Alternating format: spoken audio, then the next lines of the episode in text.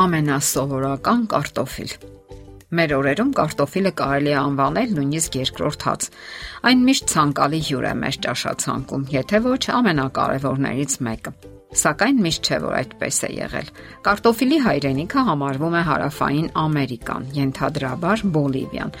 ապա այն հայտնվել է Եվրոպայում 1550-ական թվականներին, տեղափոխվելով Պերուից եւ ընդունվել է ոչ այնքան բարեհաճությամբ։ Սկզբում այն համարում էին պարզապես դեկորատիվ բույս եւ ընդ որում թունավոր, եւ միայն ժամանակի ընթացքում նա արժանացավ բարեհաճ վերաբերմունքի։ Նրա սննդարար եւ համային հիանալի որակները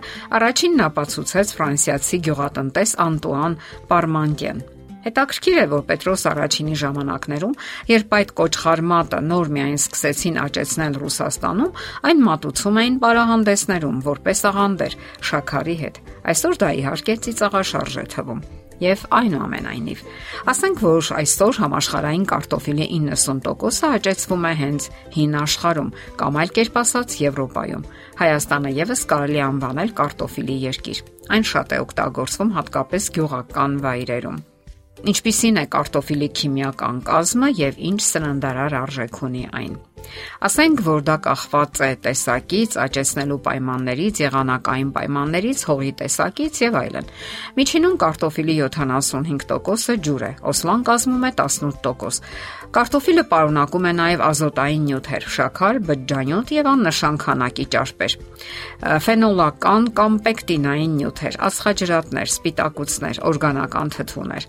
Հանքային նյութերից պարունակում է մեծ քանակի կալիում, ֆոսֆոր, վիտամիններ, կարոտին, ֆոլաթթու, նիկոտինաթթու, միկրոտաժեր։ Հույսի բոլոր մասերում արկա է սոլանին կոչվող նյութը, որը կարող է առաջացնել թունավորում։ Երբեմն կոկորթում դառնահամեզգացվում քոր, ինչը վկայում է կարտոֆիլի մեջ սոլանինի բարձր պարունակության մասին։ Այդ նյութի մեծ քանակը քայքայում է արյան էրիթրոցիտները եւ ճնշող ազդեցություն գործում կենտրոնական նյարդային համակարգի վրա։ Իսկ ինչ բուժական արժեք ունի կարտոֆիլը։ Հասկանալի է, որ այն պատրաստում են ամենահնարավոր եղանակներով ու ձևերով եւ օգտագործում են սննդի մեջ։ Եփած վիճակում կարտոֆիլն ունի միզամուղ ազդեցություն։ Թարմ հյութը նվազեցնում է ստամոքսի բարձր թթվայնությունը, նորմալացնում աղիների ֆունկցիոնալ գործունեությունը, օգնում է փորկապությունների ժամանակ, վերացնում է ստամոքսի եւ աղիների ցավը, դադարեցնում է սրտխառնոցը, այրոցը, ցուցաբերում է հակաբորբոքային ազդեցություն, նպաստում ստամոքսի եւ 12 մատնյա աղիքի խոցային հիվանդությունների ժամանակ խոցերի սպիացմանը։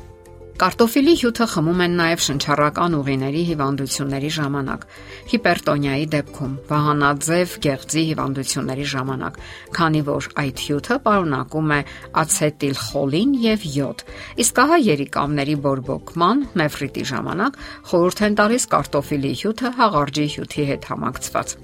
Նկատենք, որ Հայաստանում նախկինում հատկապես դժվար տարիներին գյուղերում կարողացել են դիմանալ ձմեռային երկար ամիսներին հենց կարտոֆիլի օգնությամբ համեմելով այն թթու դրած տարբեր բանջարեղենի հետ՝ կաղամ, վարունգ, գազար եւ այլն։ Նույնը վերաբերում է նաեւ ռուսական գյուղերին, որտեղ նույնպես կարտոֆիլը աղ դրած կաղամբի հետ միասին կազմել է գյուղաբնակների հիմնական սննդաբաժինը։ Ասենք որ կարտոֆիլի հիմնական օգտակար նյութերը գտնվում են կեղևին մոտիկ, եւ այդ պատճառով էլ խորհուրդ է տրվում երիտասարդ մատխաշ կարտոֆիլի կեղևը ոչ թե կլպել, այլ լվալ, մաքրել խոզանակով։ Իսկ եփելու ժամանակ դրանից հետո էլ հարկավոր է հնարավորինս քչացնել շփումը օդի հետ, քանի որ դրանից նվազում է կարտոֆիլի օգտակարությունը։ Պետք է ուղակի փակ պահել այն կափարիչով։ Այսօր շատերն են վիճարկում կարտոֆիլի օգտակարությունը եւ թե որքան պետք է օգտագործել այն։ Սակայն այդ բույսի օգտակարության մասին է խոսում այն փաստը, որ նրա մեջ համեմատաբար քիչ են པարս շաքարները։ Ճարփ համարյա չկա, սակայն բավականին շատ են մարսողության համար օգտակար օրգանական թթուներն ու բջջանյութը, բուսական սպիտակուցը եւ մի շարք այլ արժեքավոր նյութեր։ C վիտամինը երիտասարդ կարտոֆիլի մեջ միայն երկու անգամ է քիչ ցիտրուսային մրգերից։ Դա լավ գիտեին նույնիսկ հերավոր ճանապարհորդությունների մեկնող նավաստիները եւ Ալյասկայի ոսկի որոնողները, ովքեր նույնիսկ հում էին ուտում այն, վախենալով ցինգա հիվանդությունից։ Կալիումը, որով հարուստ է կարտոֆիլը, նպաստում է ավելորդ հեղուկի դուրսբերմանը, իսկ դա օգտակար է թե ճարպակալած մարդկանց եւ թե նրանց համար, ովքեր հակված են այտուցների։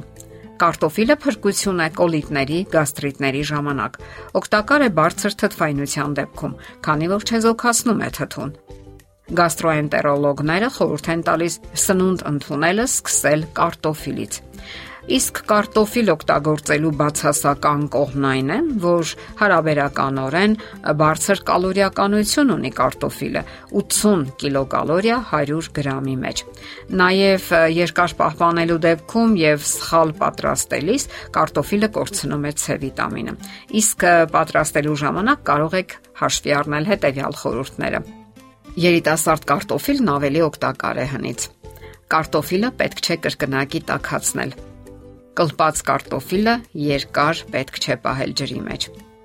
Իսկ ահա կարտոֆիլը որոշ ձևերով ընդհանրապես պետք չէ օգտագործել։ Օրինակ չիփսեր, որի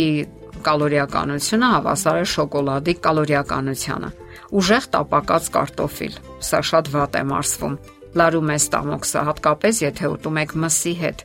Ֆրի վերջերս նորաձև համարվող այս տեսակը նույնպես օգտակար չէ առողջության համար։ Համարյա թե այնտեղ չկան վիտամիններ եւ հանքանյութեր։ Այնպես որ օգտագործեք համարյա երկրորդ հաց համարվող բնության այս հրաշքը ամենասովորական կարտոֆիլը առողջ տարբերակներով եւ առողջ կլինեք։ Եթերում է առողջ ապրելակերպ հաղորդաշարը։ Հարցերի եւ առաջարկությունների համար զանգահարել 033 87 87 87 հեռախոսահամարով։